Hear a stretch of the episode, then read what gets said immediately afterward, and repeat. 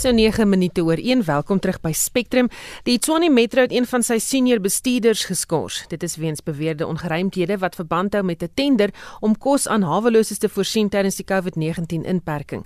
Die betrokke sakeondernemings, meestal spyseniers, eis nou meer as 19 miljoen rand in vergoeding van die Tshwane Metro. Anne Marie Jansen van Vieren doen verslag. Sedert die plaaslike uitbreek van die pandemie, is sowat 2000 hawelose mense by verskeie skuilings in die Tshwane Metro gehuisves. Die haweloses ontvang 3 maaltye per dag wat deur 34 plaaslike sakeondernemings en nuwensgewende organisasies voorsien word.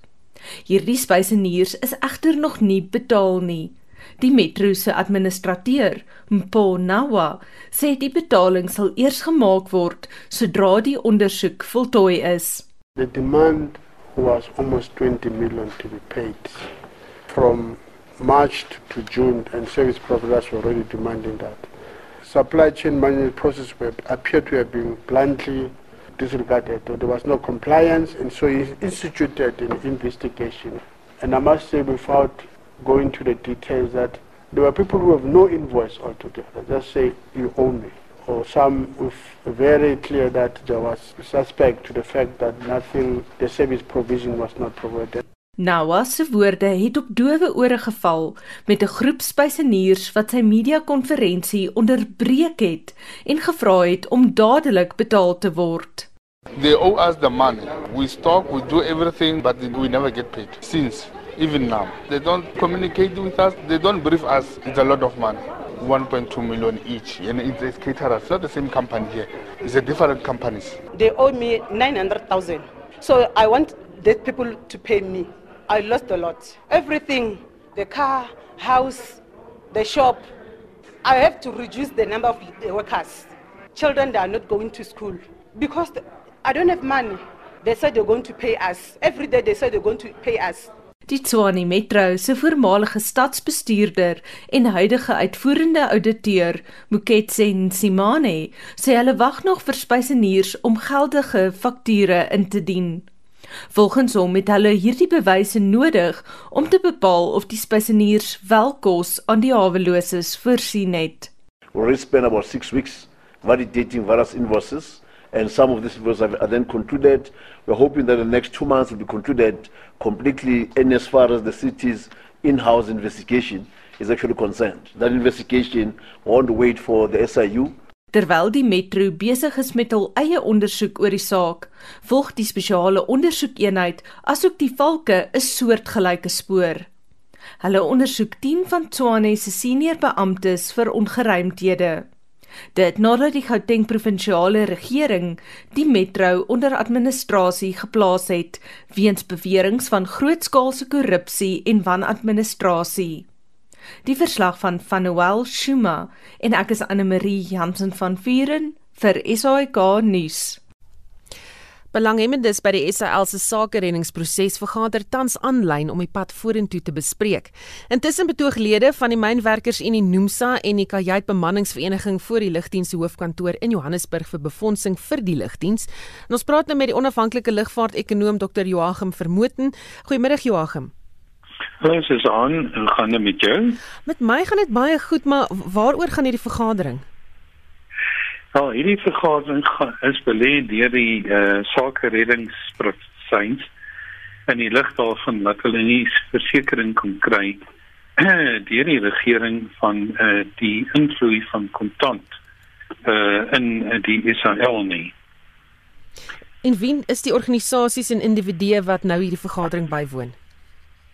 Ja, op die oomblik is dit eh uh, maar alle belanghebbendes ehm um, se uh, oorsake krediteure en dan uh, alle uh, belanghebbendes wat uh, met die sake redding proses uh, proses betrokke is is genooi om 'n uh, webinar by te woon waarin die saak bespreek is.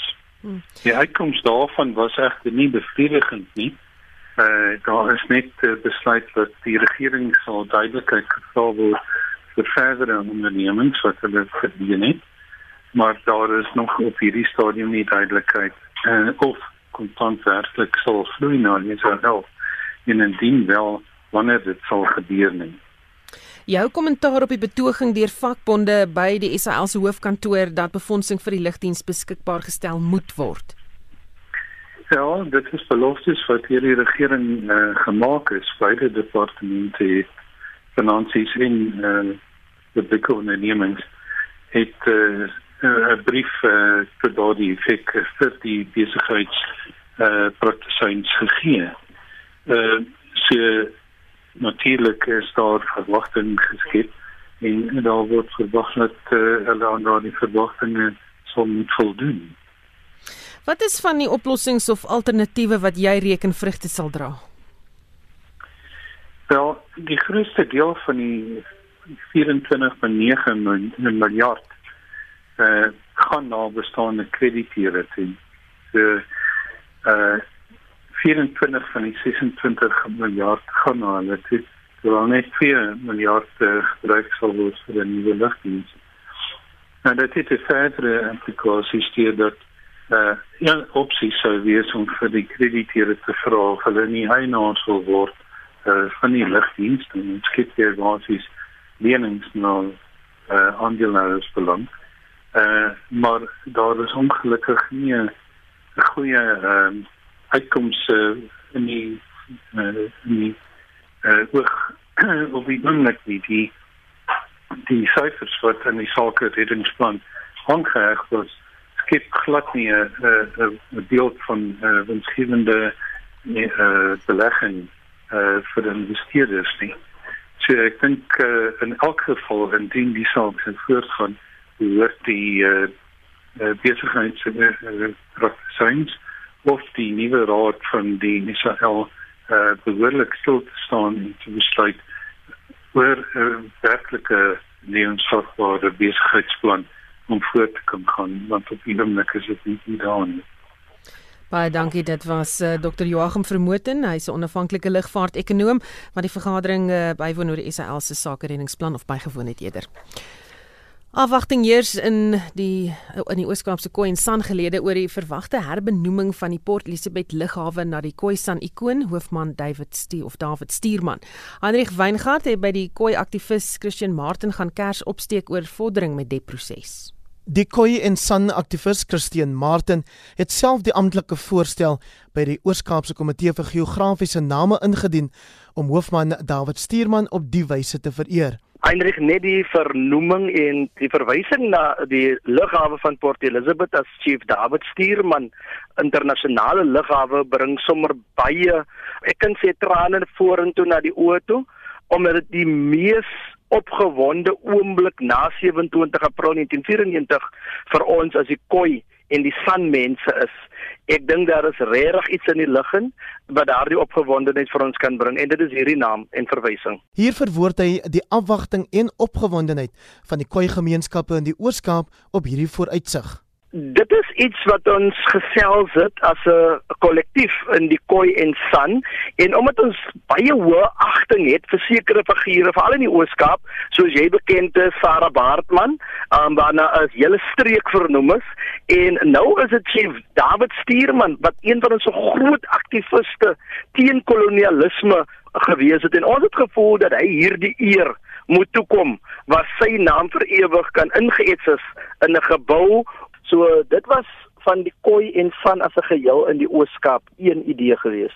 Naas die voorgestelde hernoeming van die PE lughawe word ook voorgestel dat die stad self 'n naamsverandering na Nebega ondergaan. Dit is die Xhosa naam vir die Bakensrivier wat deur die stad vloei. Zukile Jodwana, adjunkvoorsitter van die Ooskaapse Naamveranderingsowerheid, het Martin onlangs op hoogte van die proses gebring so 2 weke gelede het ek gepraat met die voorsitter van die geografiese naamveranderingsprosesse, meneer Jodwana. En hy het vir my gesê dat hy het ook 'n vergadering bygewoon met die ander provinsies en met die nasionale kantoor vir geografiese naamsveranderinge en dat hierdie proses is baie baie redelik fair. En daar is paar mense wat teen die proses is dat uh, die, van die naamverandering, maar ek dink dit is meer oor die naam Port Elizabeth as wat dit is oor die uh, lughawe self. Uh, daar is groot uh, inkoop in die lughawe se naam as die Chief David Stuurman internasionale lughawe. Martin meen daar is lesse uit die Oos-Kaapse ervaring vir Khoisan aktiviste in die Wes-Kaap te leer.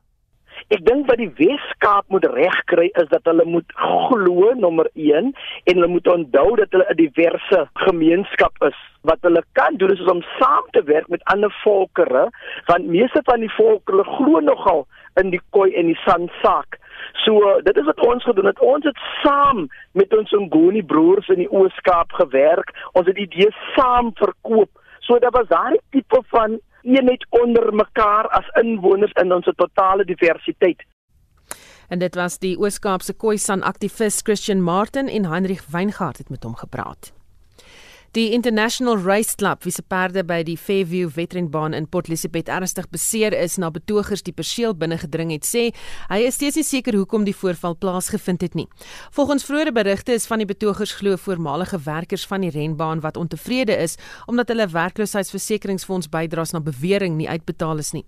Die woordvoerder van die International Racing Club, Michael De Haas, sê niemand het nog na vore gekom om 'n verduideliking te gee oor gister se gebeure waarin 'n perd griesaam vrek gemaak is nie net voor 6 o'clock het 'n klomp mense een van die stalblokke ingebreek en uh, hulle het uh, perde begin ses perde uitgelaat en hulle daai perde in die terrein ingejaag.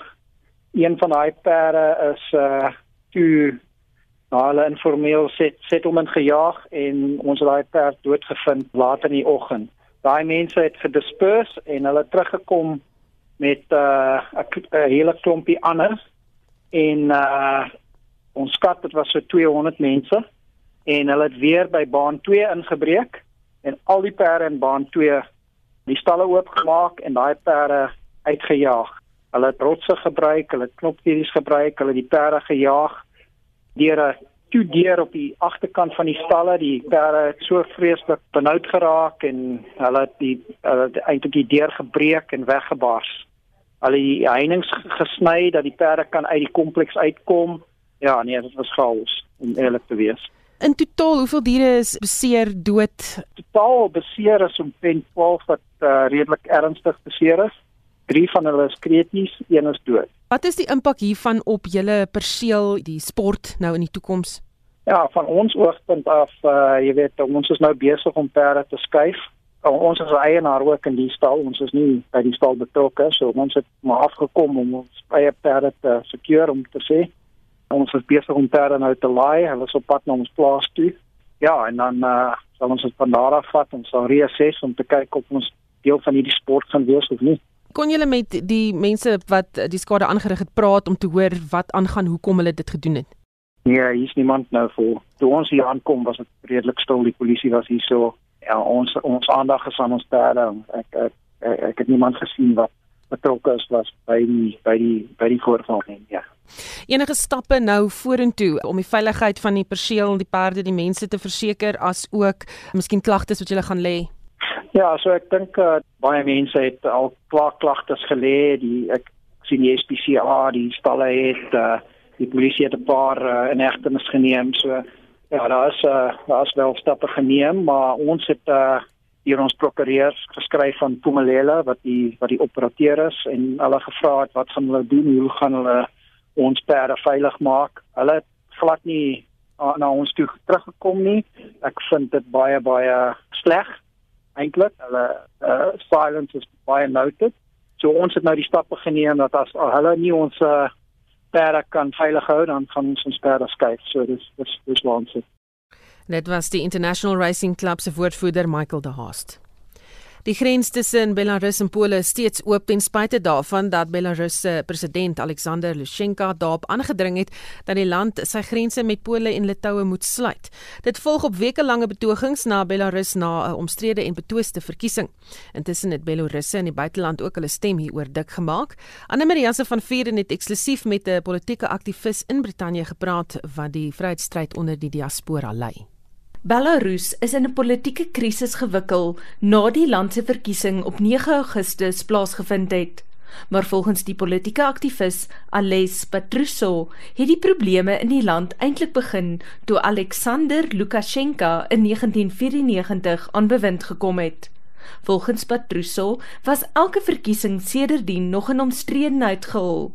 Lukasjenko het keer op keer 'n rede gevind om sy oppositie uit die verkiesing te verban.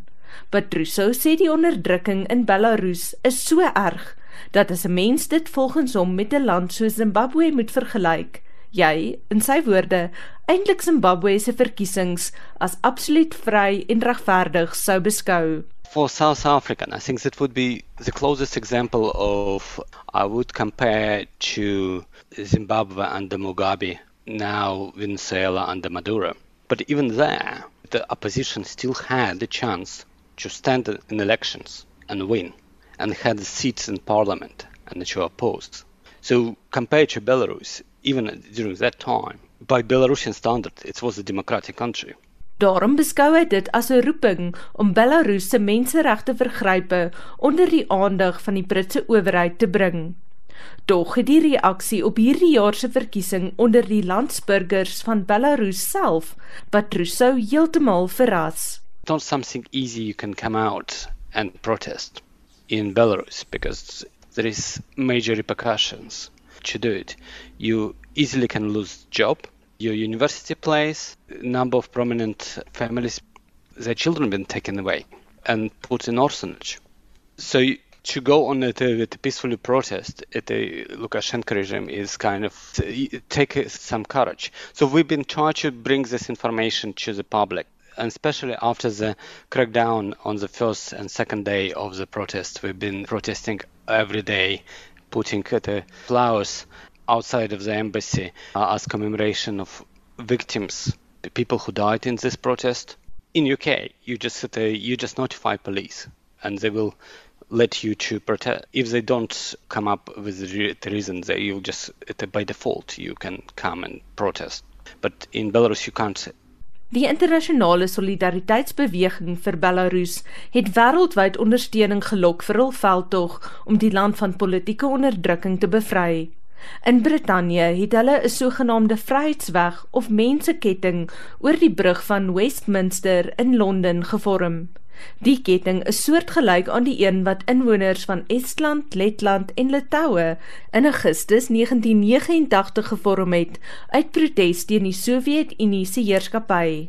Patruso sê die daaglikse kraansleggings en betogings buite die ambassade van Belarus in Londen het ook vrugte afgewerp. We forced British government to stop military cooperation uh, with Belarus. Been actively happening until recently. British government add support to the Belarusian civil society and they increase their budget, double the money they allocated to buy 1.5 uh, British pounds. Will be it is closely working with the European Union and introducing individual sanctions against Lukashenko. Uh, people involved fraudulent elections but Britain has own Magnitsky Act which introduced against Russian oligarchs involved in prosecution. So we try to pursue a British government to increase the list of the people who involved in and finance Belarusian Lukashenko regime. Dit was die politieke aktivis Ales Petruso wat 'n paar jaar gelede Belarus vir Brittanje moes verlaat weens sy politieke bewusmakingsveldtogte teen die land se regering. Ek is Anne Marie Jansen van Vuren vir SAK nuus. Die minister van Gesondheid, Zwelin Mkhize, het vroeër die week aangekondig dat daar 'n ministeriële advieskomitee saamgestel gaan word om 'n oorsigrol te speel oor die ontwikkeling van 'n enstof teen COVID-19. Die voorsitter van die advieskomitee is professor Barry Shoop, 'n kenner in virologie. Hy sê die komitee het net een doel voor oë. Actually, its primary objective is really to develop a national COVID 19 vaccine framework for South Africa. So it's got a very specific mission, a very specific uh, aim, a very specific function. So it's really uh, separate from the one that uh, Professor Karum was the chairman of. Shoop sê hulle voorsien klare klomp probleme sodra entstof beskikbaar raak. This is quite a very complex issue because uh, clearly we're not going to get enough vaccine to immunize the whole population. It's going to come in, in uh, small amounts because you know clearly you look at the world population and the manufacturers have to produce billions of doses. So we in South Africa will get uh, probably sometime next year in small amounts of vaccine, which will then have to have uh, a very in-depth investigation how it's going to be distributed. There are obviously priority groups such as healthcare workers, uh, etc., who are on the forefront, who would be kind of obvious, you know, uh, uh, the first in line in a way to get vaccines. But the actual distribution is something that we'll probably have maybe one or two even workshops to kind of do, you know, go into it in great depth. Shoop sê wêreldwyd werk wetenskaplikes en dokters baie hard om 'n enstof te ontwikkel. And there are actually 240 now. 42 have actually gone to clinical t- trials, and eight of them are now in their more advanced trials, what we call phase three trials. And yes, the data that has come out in terms of uh, producing neutralizing antibodies has been very promising. In terms of safety, the preliminary evaluation of safety has been also very favorable. So it's looking good, but it is early days. So it's still very early. These are only the trials, and producing neutralizing antibodies doesn't necessarily mean that it's protective. It's a very good indication, of course, but there's still awaits further evaluation. Shoop sê daar is 'n baie goeie rede hoekom daar steeds so min inligting oor die virus beskikbaar is. We do have to remember this virus has only been around for very much less than a year, probably about like eight, eight nine months. So it's, it's really a it's, it's a new virus to humanity, and this is what makes it in a way almost unique. That's a new virus to a totally susceptible human population. So we're all in a learning curve, and uh, really there are no no experts as such anywhere in the world. Everybody is learning. Uh, so it's, it's new information, new knowledge, new virus, uh, and new epidemic. En dit was die voorsteur van die advieskomitee, professor Barry Shoop. Hy is ook 'n kenner in virologie. Jy luister na Spectrum elke weekmiddag tussen 1 en 2.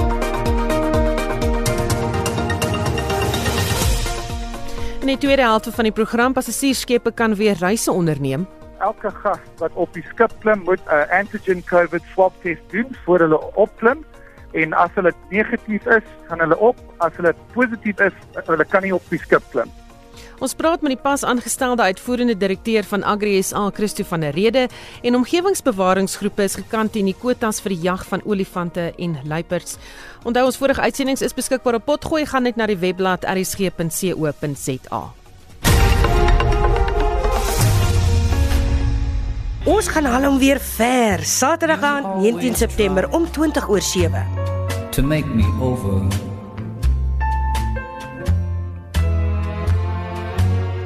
I don't see me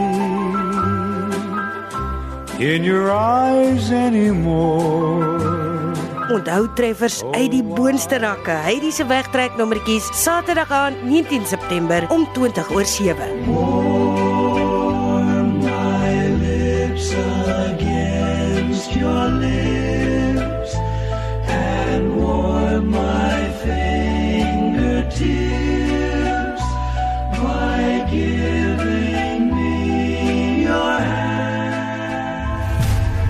redakteurs, Waldemar Pelser van Rapport en Max de Pre van Vrye Weekblad. En die Ruimkles Troubadour Fraser Berry is hierdie week se paneel op kommentaar.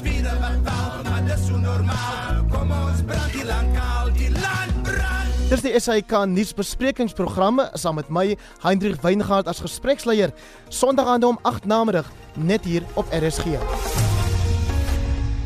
Daar is geen verkeer. In KwaZulu-Natal was daar 'n botsing op die R603 by die Winkelspruit afrit. Dan in die Vrystaat op die N1 naby die Shell Ultra City was daar 'n botsing gewees en hulle sê nie wat se rigting nie, so ek neem aan die pad daar word beïnvloed in beide rigtings. Houd maar in gedagte en dit is jou verkeersnuus. 1333 jy luister na Spectrum. Agri SA het aangekondig dat Christo van der Rede voortaan die uitvoerende direkteur van die organisasie sal wees.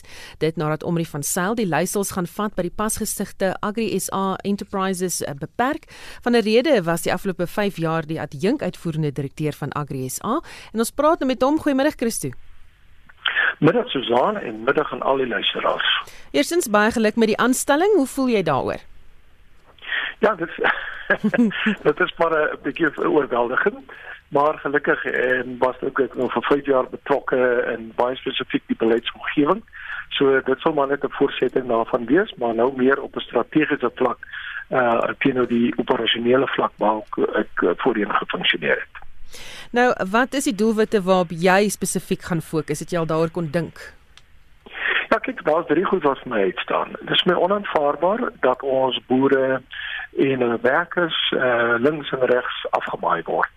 Die brutaliteit waarmee hierdie woorde gepaard gaan is vir my totaal onaanvaarbaar. Dit behoort nie in 'n beskaafde land nie, dit behoort ook nie in 'n nasionale in 'n grondwetlike demokrasie nie. So een van my groot take is om regwaar met al die rolspelers te sit en te werk aan 'n 'n plan, jy weet, en ek weet ons doen dit al reeds, maar ek dink ons sal baie meer gewig moet gee aan aan dit wat ons wat wat mag om die boere in die omgewing uh, waar binne boere funksioneer en hulle werkers funksioneer om dit veilig te kry. Dan die tweede uh, fokus sal wees op uh, regeringsbeleid. Hoewel regering se rol is om 'n uh, omgewing te skep wat bevorderlik is vir besigheidsontwikkeling, vir investering en so voort. En ons sien 'n hele klomp wetgewing wat eintlik daai ideaal ondermyn. So die fokus sal daarop wees om seker te maak dat ons 'n beleidsomgewing skep waar binne landbou kan gedei. En dan derdens, hoe bevorder jy die die algemene welstand, welstand en winsgewendheid van landbou? Uh en hoe maak jy seker dat daar samewerking is tussen al die rolspelers om aan die einde van die dag voedselsekerheid vir almal teweeg te bring? Um, vertel ons 'n bietjie hoe gaan Agri SA Enterprises beperk verskil van Agri SA? Kyk, uh, ons het die afgelope paar jaar ons al die twee goed begin vermeng. Alhoewel aan die een kant uh, kry jy aanbiedinge deur die private sektor om betrokke te raak by besigheidsontwikkeling. En dit is 'n taamlike taamlike uh, groot taak. Ek het dit uh, natuurlik aanvanklik bestuur. Dan moet jy gaan jy moet uitgaan na 'n stuk grond toe, jy moet gaan uh, bepaal of daar 'n kommersiële uh, landbou uh, aksie teweeg gebring kan word.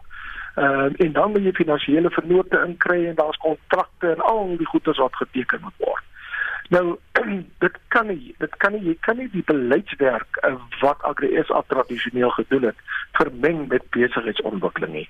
En daarom het ons nou by 'n punt uitgekom waar ons dan die twee goed skei. So jy het Agri SA Enterprises en hierdie ding moet uh, al het al die kundigheid om seker te maak dat jy uh, die besigheidsontwikkeling kan beweegbring en jy moet natuurlik belasting betaal en ook 'n dividend weer terug aan Agri SA. Maar Agri SA gaan baie spesifiek fokus op al die beleidsaspekte rondom veiligheid rondom uh grondregte rondom uh arbeid en ontwikkeling as ook die ekonomie en handel en dan die drie kamers en die dit nie met dit wat met daai goed uh gemoed is. Luister maar, jy is 'n man met uh, vele talente. Jy het 'n ekonomiese agtergrond. Jy was die voorsitter van die AAE en ek skat hierdie ekonomiese agtergrond kom jy nou handig te pas. Jou musiekloopbaan egter is nou eers van die baan, nê? ja, kyk, ek is 'n groot liefhebber van boere musiek. So Saterdagmiddag dan sit ek nou my radio op RG aan. Ek luister lekker boere musiek en dan Sondagoggend dan skakel ek weer in. Ehm um, jy weet op die klassieke musiek en die kerkmusiek en dan Sondag aande dan skakel ek weer in op die opera musiek. Ja, ek het 'n verskriklike groot liefde. Ek kom uit die wonderlike Morawiese tradisie waar ons blaasorkeste, jy weet, uh, oor jare heen uh, betrokke by was die groot koorfeeste wat ons gehou het ek self en my ouers en my uh, hele familie kom oor geslagte hier saam met musiek in al sy forme. So ja, nee, ek het 'n groot voorliefde daarvoor, maar as ek die tydjie kry soos die ander ons gaan jak of visvang, dan speel ek klavier. Haas sy sal jy nog dop om te hoor of jy dalk vir Agri SA boere musiekorkes begin of so iets. Baie dankie, dit was die pas aangestelde uitvoerende direkteur van Agri SA, Christo van der Rede. Sosiale media gons met boodskappe waar vriende en familie waarsku daarteen om die nuwe COVID-19 nasporingstoepassing op jou telefoon af te laai. Dit kom nadat president Cyril Ramaphosa juis Suid-Afrikaners gevra het om hierdie toepassing af te laai en te gebruik. Mense is veral bekommerd oor hulle privaatheid en die sekuriteitsrisiko's verbonde aan hierdie toepassing. En vir meer hieroor praat ons met Baren Pretorius, hy's 'n kuberkenner by die Transnet Harwe terminale afdeling en ook 'n doktorale student in kubersekerheid by die Universiteit van KwaZulu-Natal. Goeiemôre Barend.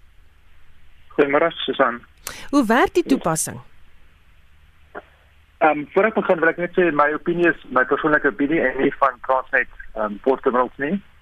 So die toepassing is bekend gestel toe ek dink dit was 'n redelike tyd al in die mark, maar ehm um, president Ramaphosa het gevra dat almal dit aflaai. So die die, die toepassing werk so dat basies ehm um, hy gebruik geen van die persoonlike data nie hy gebruik ook geen van die persoonlike inligting nie. Wat hy doen is hy gebruik um, Bluetooth, as ek dit in Engels kan sê, om basies 'n uh, ra ra ra random kode te kry en dan is daai kode anoniem. So wat dan gebeur is ek word byvoorbeeld 'n kode ehm um, toege, toegeken, um, kode nommer 1 en as jy die toepassing aflaai, is jy byvoorbeeld kode nommer 2. En dan wat die toepassing dan doen is hy bepaal dat kode nommer 1 en kode nommer 2 was bymekaar gewees vir 10 minute en hy hou dan daai inligting. As jy byvoorbeeld dan sê later ek is positief getoets vir COVID, dan kan jy dit in die toepassing inlaai. En dan wat gebeur is dan daai toepassing sal sê almal wat in kontak met jou was gedurende die periode wat jy positief getoets was, hulle sal 'n kennisgewing kry om te sê dat hulle um, in kontak was met iemand wat positief getoets was.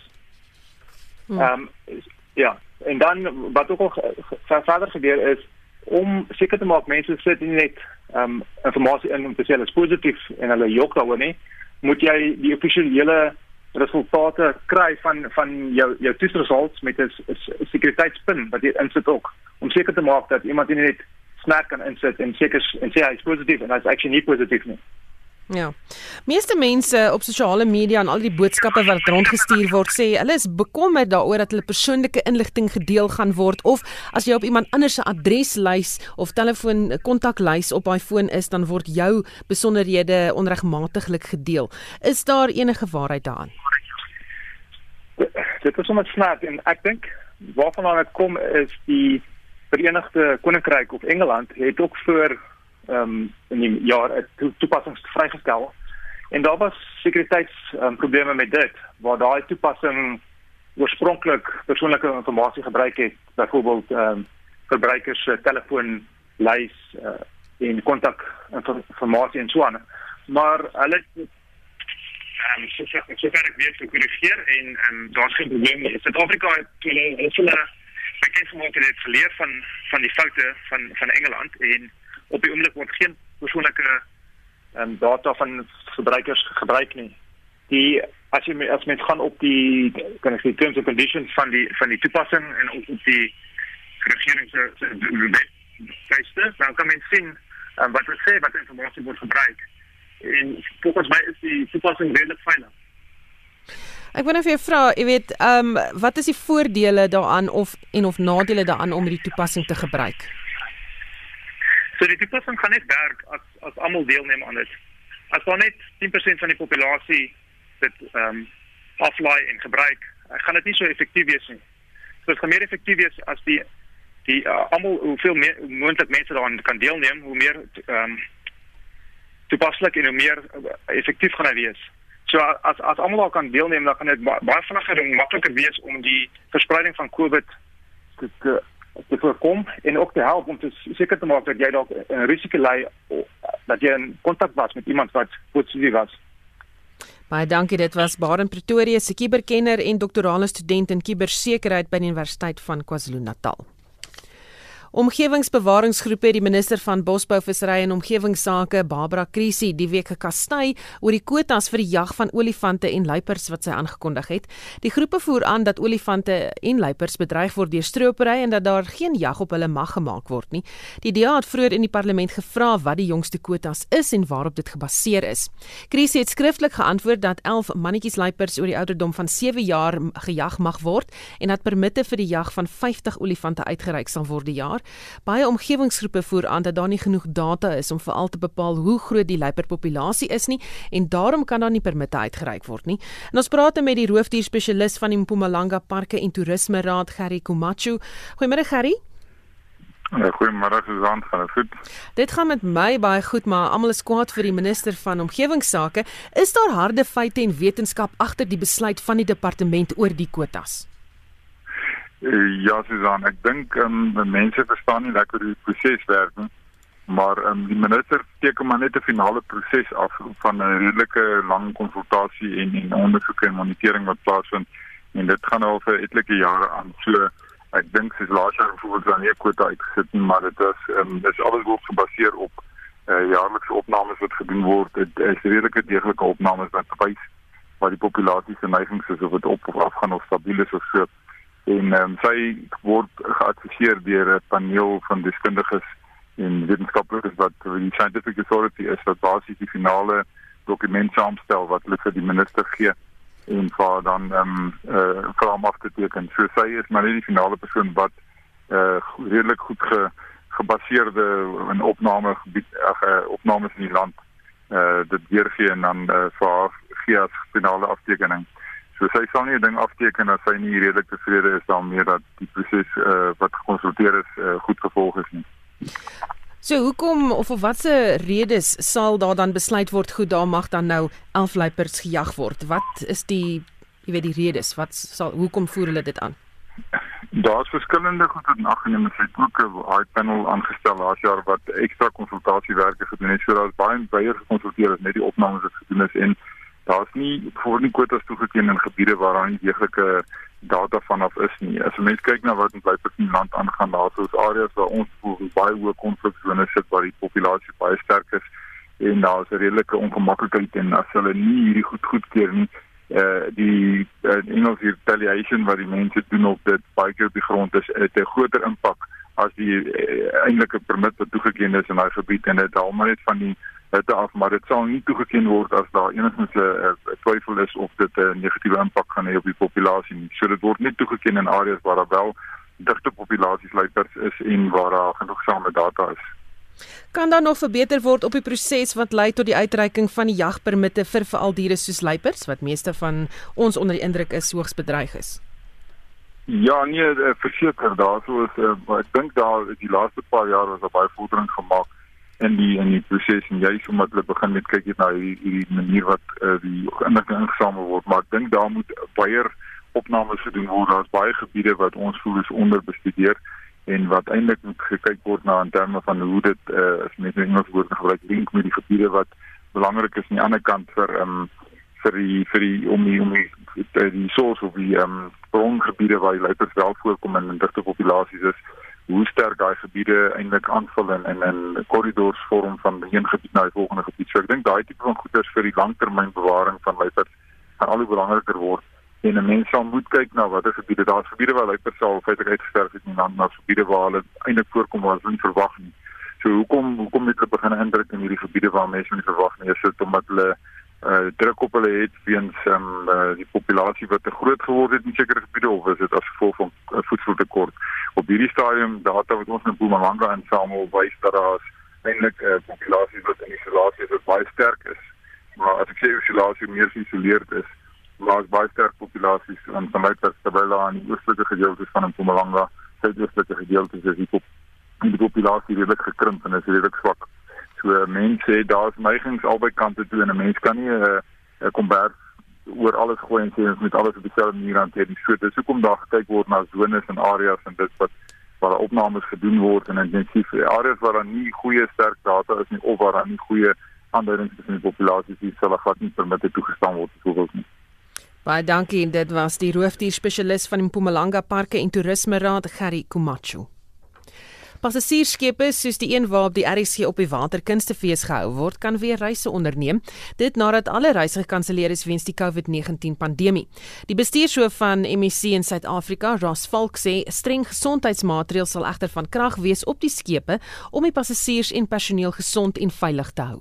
Ons is van die 20ste November op die op die water.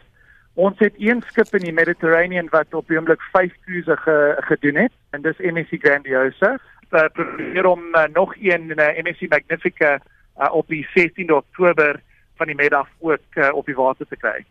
Moet julle nou meet en pas en kyk watter skip kan nou waartoe gaan want julle moet nou reise vaarte inhaal. Ja, ons het al reeds dit gedoen vir die laaste 6 maande. Ons ons het ons uh, skepe in sulke posisies wêreldwyd uh, gelos. So ons het 4 in die in die Karibië, ons het 4 in Suid-Amerika, ons het twee in in Dubai en in Midde-Oos en ons het die res om 6 in die Mediterranean en een in Suid-Afrika gelos. So ons het al reeds probeer om uh, om voorberei vir die toekomende seisoen. En wat is nou die nuwe normaal op hierdie skepe as ek dit so kan noem wat betref uh, mense veilig en higiënies hou teen COVID-19? So ons het die laaste 6 maande baie baie hard gewerk met uh, mense van die mediese professie ons protokol uh, ingebring en daar's 'n paar dinge wat uh, ons gedoen het wat probeer om gesondheid uh, verbeter en uh, maak seker dat dat op die skip almal gesond is. So die een belangrikste ding is ons gaan elke gas wat op die skip klim moet 'n uh, uh, antigen COVID swab test doen voor hulle uh, opklim en as hulle nie negatief is, gaan hulle op. As hulle uh, positief is, hulle kan nie op die, op die skip klim. So dis die dis die mees belangriks en dan op die skip ons het quarantine kajuite uitgesit. Ons het uh, 100% vars lug in elke uh, air conditioning sit, so daar's geen air wat um, recycled is. So dis dis uh, 100% vars lug. Ons uh, uh, mense op die skip wat werk, hulle is getoets drie keer voor hulle gaan werk. Uh, so daar's baie baie belangrike ehm um, protokol wat ingesit is om uh, om, om gesondheid te te verseker. En maak dit dit moeilik vir julle om die skip te bedryf of is dit nou maar net nou nog deel van die nuwe normaal? Dis 'n bietjie meer uh, admin, maar administrasie, maar ek dink ons uh, ons moet dit doen. Die die veiligheid en die gesondheid van elke persoon wat op die skip klim, die communities uh, waar ons gaan en die en die mense wat op die skip werk is die mees belangrikste ding vir ons. So ons moet dit doen. Ons is gelukkig om dit te doen en ons het uh, baie praktiese maniere om dit te doen. So ons help elke persoon wat op die skip wil klim om uh, daai toetse te kry en ons doen dit. So jy hoef nie om te doen dit, ons doen dit. So dit is prakties beter vir ons en dit maak dit 'n bietjie beter vir die gaste om 'n uh, goeie vakansie te hê. RSG se op die waterfees uh, gaan ook nou nog plaasvind, gaan dit dieselfde werk as wat jy nou verduidelik het. Ja, van die 25ste Januarie wat die eerste op die water uh, cruises, ek dink niks gaan baie verander nie. So ek dink hierdie is die, die nuwe normaal vir vir die volgende toekoms. As 'n vaksin kom, dit gaan 'n bietjie beter wees, maar ek dink op die oomblik daar's baie uh inligting daaroor wat wat nie heeltemal positief is, maar ons weet nie wanneer dit kom. So vir die oomblik is 25 Januarie gaan hierdie protokol en prosedures dieselfde wees. En daar's nog een uh, later in die jaar. Ja, dis die 4de April. Laat ons sien wat gebeur tussen nou en dan. Daar's baie tyd uh, tussen nou en dan. Dit was die bestuurshoof van MEC in Suid-Afrika, Ross Volk. Die Durbanse hawe maak gereed om meer goedere te hanteer wanneer die land volgende week na inperkingsvlak 1 beweeg. Soos met hawens elders is Durban ook deur die volle impak van die COVID-19 pandemie getref deur die beperking op sekere ekonomiese aktiwiteite. Heinrich Weingart berig. Die algemene bestuurder by die Durbanse hawe, Mos Motloi, sê die hawe is nie net strategies belangrik vir die stad en die provinsie nie, maar ook vir 'n aantal naburige Suid-Afrikaanse lande.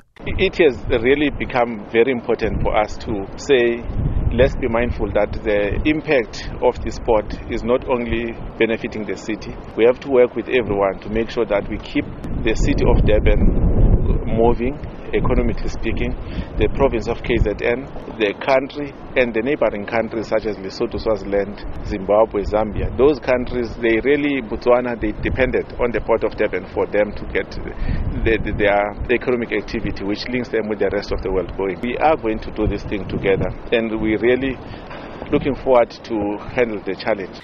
Motloi sê daar word egter steeds gewag vir duidelikheid oor aangepaste inperkingsregulasies vir luukse passasiersbote met die seisoen vir hierdie gewilde tydverdryf wat nou op hande is. There are areas uh, where we think some sections or sectors of the economy are going to open up depending on the demand. And for the port, there will be increased pressure for us to respond accordingly. And that's what we're gearing ourselves for. Some sectors, we are not sure how the regulations, when they're being spelled out next week, are going to point us. For example, the cruise season. We will await the announcement which will be coming from the relevant ministry. And of course, we know that there are restrictions in many of these sectors, but we'll await the the regulations and respond accordingly. Die impak van die COVID-19 pandemie het die hawe se bestuur darm nie in sak en as gelaat nie, sê Motloi, aangesien daar uitvoere was wat alle verwagtinge oortref het, spesifiek in bedrywe soos die landbou. Right now, we are optimistic that we are going to make some inroads. It was interesting to note that uh, there were cargoes that really never felt the impact of COVID, such as agricultural products, wheat and maize. We had record volumes. Citrus fruit, we had record volumes. And we perhaps think that citrus fruit and uh, was more to demand of citrus fruit around the world due to COVID. And also it is a sign of confidence in our agricultural sector. We also have seen improvement in minerals such as iron ore and manganese. We exceeded the records. However, there were cargo types where we really took a knock. Auto uh, for new cars, obviously, there's no demand. Also containers, which then carry the components that go on to new cars. And also there was just subdued economic demand on those. And that's where we really took a knock. And on petrochemical side, Hierdie verslag is saamgestel deur Nonkululeko Sloppe. Ek is Hendrik Weingart vir SAK nuus.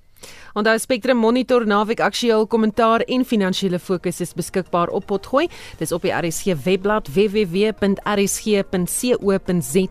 Jy kan ons ook volg op Twitter by Monspek1 of op facebook.com vorentoe skynstreep ZARSG.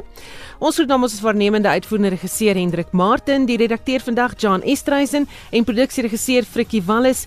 Ons medewerkers was Hendrik Weingart en Anne Marie Jansen van Vieren. Ek is Susan Paxton. Geniet jou naweek.